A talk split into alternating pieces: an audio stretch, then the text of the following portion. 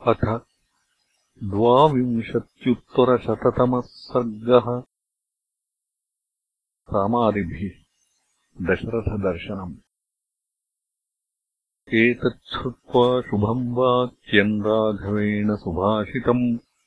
इदम् शुभतरम् वाक्यम् व्याजहारमहेश्वरः। पुष्कराक्षमहाबाहो महावच्छः परन्तप दिष्ट्या कृतमिदम् कर्म त्वया शस्त्रभृताम् वर। दिष्ट्या सर्वस्य लोकस्य प्रवृद्धम् दारुणम् तमः।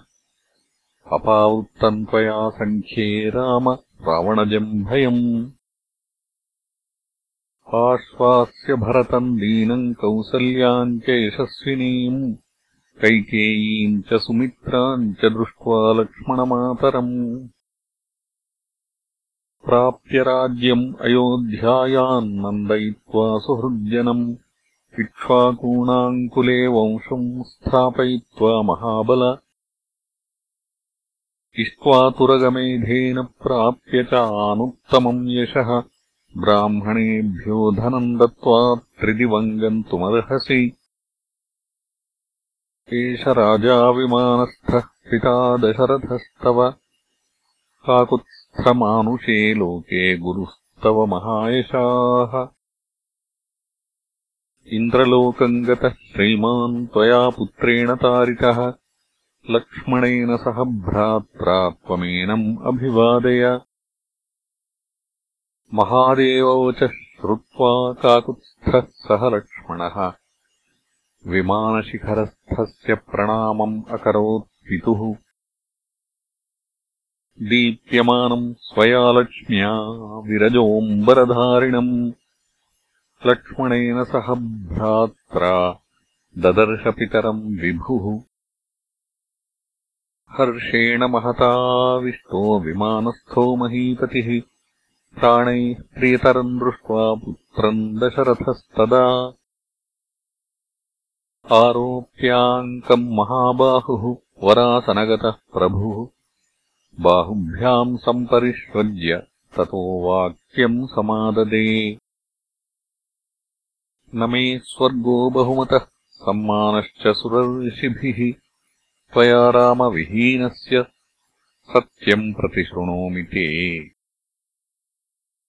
अद्य त्वान्निहतामित्रम् दृष्ट्वा सम्पूर्णमानसम्। निस्तीर्णवनवासम् च प्रीतिरासीत् परा मम कैकेय्या यानि चोक्तानि वाक्यानि वदताम् वर तव प्रव्राजनार्थानि स्थितानि हृदये मम। त्वाम् तु दृष्ट्वा कुशलिनम् परिष्वज्य सलक्ष्मणम्। अद्य दुःखाद्विमुक्तोऽस्मि नीहारादिव भास्करः। तारितोऽहम् त्वया पुत्र सुपुत्रेण महात्मना अष्टावक्रेण धर्मात्मा कारितो ब्राह्मणो यथा। इदानीम् तु विजानामि यथा सौम्यसुरेश्वरैः वधार्थम् रावणस्येदम् विहितम् पुरुषोत्तम। सिद्धार्था खलु कौसल्याया त्वाम् रामगृहम् गतम्। वनान्निवृत्तम् संहृष्टा द्रक्ष्यत्यरिनिषूदन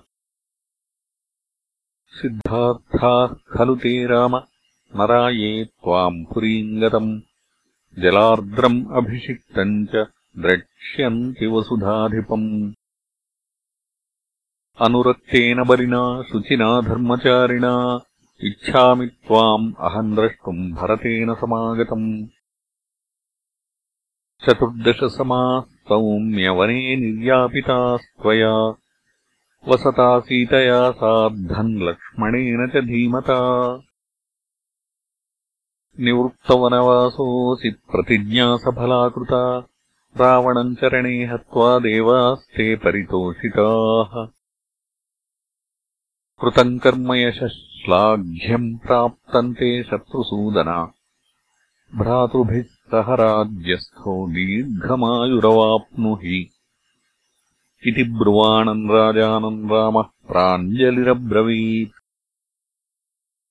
कुरु प्रसादम् धर्मज्ञ कैकेय्या भरतस्य च। सपुत्रान् त्वाम् त्यजामीति यदुक्ता कैकयी त्वया। स शापः कैकयीम् घोरः सपुत्रान्न स्पृशेत् प्रभो। स तथेति महाराजो रामम् उक्त्वा कृताञ्जलिम् लक्ष्मणम् च परिष्वज्य पुनर्वाक्यम् उवाचः। रामम् शुश्रूषता भक्त्या वैदेह्या सह सीतया। कृता मम महाप्रीतिः प्राप्तम् धर्मफलम् च ते। धर्मम् प्राप्स्यसि धर्मज्ञ यशश्च विपुलम् भुवि। रामे प्रसन्ने स्वर्गम् च महिमानम् तथैव च रामम् शुश्रूषभद्रन्ते सुमित्रानन्दवर्धन। रामः सर्वस्य लोकस्य शुभेष्वभिरतः सदा। एते सेन्द्रास्त्रयो लोकाः सिद्धाश्च परमर्षयः। अभिगम्य महात्मानम् अर्चन्ति पुरुषोत्तमम्। एतत्तदुक्तमव्यक्तम् अक्षरम् ब्रह्मनिर्मितम् देवानाम् हृदयम् सौम्य गुह्यम् रामः परन्तपः।